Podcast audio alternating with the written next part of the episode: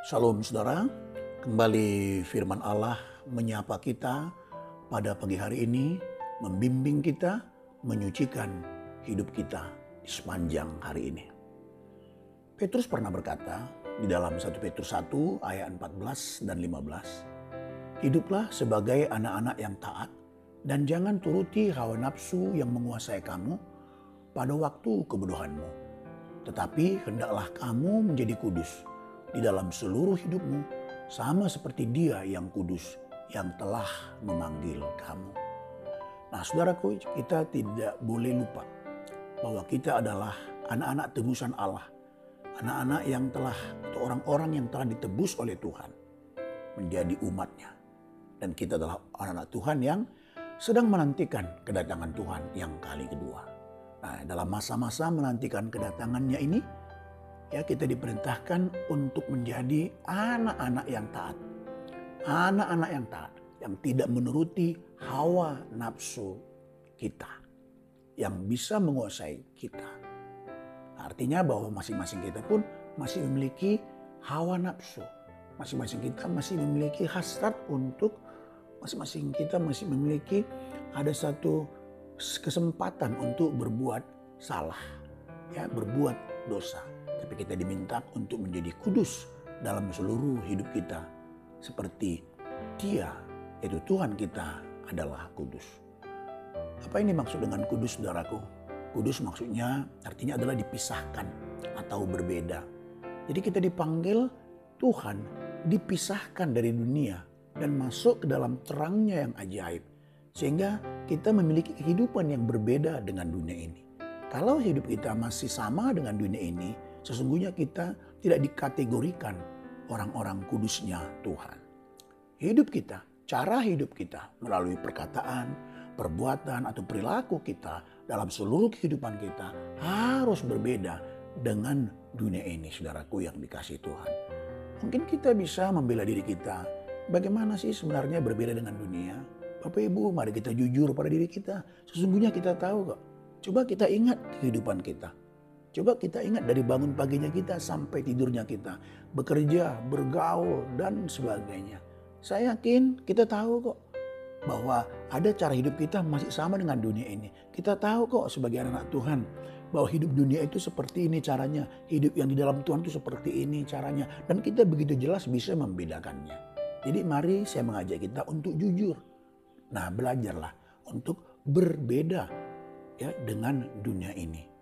Saudaraku yang dikasihi Tuhan, nasihat untuk menjadi kudus, ya, nasihat untuk hidup taat ini bukan ditujukan kepada mereka yang belum mengenal, belum mengenal Tuhan.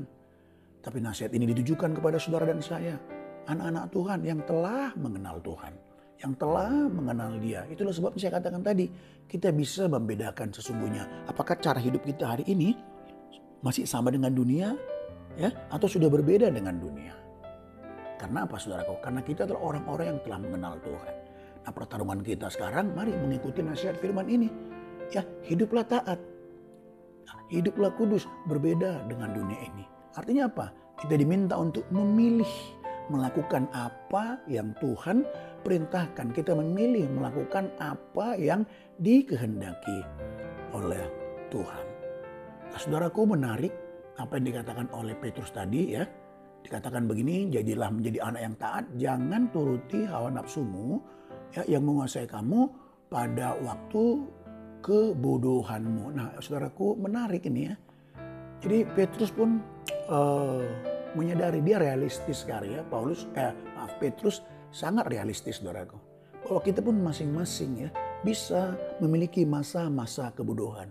Bisa Ya, mungkin karena beratnya persoalan, mungkin karena kita dikhianati, atau mungkin kita karena disakitin dan lain sebagainya. Itu menciptakan kita kepada satu atau membawa kita bisa kepada satu seperti ruang hampa ya. Sehingga kita terjerumus kepada yang eh, Petrus sebut itu masa kebodohan. Masa kebodohan. Artinya kita bisa kembali ya kepada satu ruang seperti kita belum mengenal Tuhan dulu itu maksudnya saudaraku. Ketika kita dulu belum mengenal Tuhan, betapa mudahnya kita berespon, betapa mudahnya kita untuk berbuat salah, betapa mudahnya kita untuk berbuat dosa. Jadi ketika kita masuk dalam tanda petik ke ruang-ruang hampa tersebut, ya dalam tanda kutip saya katakan ruang hampa saudaraku ya, ketika banyaknya persoalan, ya itu yang dimaksud oleh Paulus di sini, eh Petrus di sini saudaraku. Hati-hati, hati-hati ketika kita masuk kepada uh, uang hampa itu kepada masa-masa sulit seperti itu yang Pak Petrus katakan masa kebodohan di mana kita bisa cepat sekali merespon untuk berbuat dosa. Hati-hati, kita harus menahan diri, tetap tenang, ingat bahwa kita adalah umat tebusan Allah yang diminta uh, memilih taat, yang diminta untuk hidup berbeda dari dengan dunia ini, saudaraku. Supaya apa? Supaya uh, hidup kita terus di dalam jalurnya Tuhan, di relnya Tuhan. Mempercayalah. Ya, masa-masa itu kita akan lewatin, saudaraku. Hati-hati sebab pikiran kita bisa gelap. Itu yang disebut tadi juga masa-masa kebodohan itu.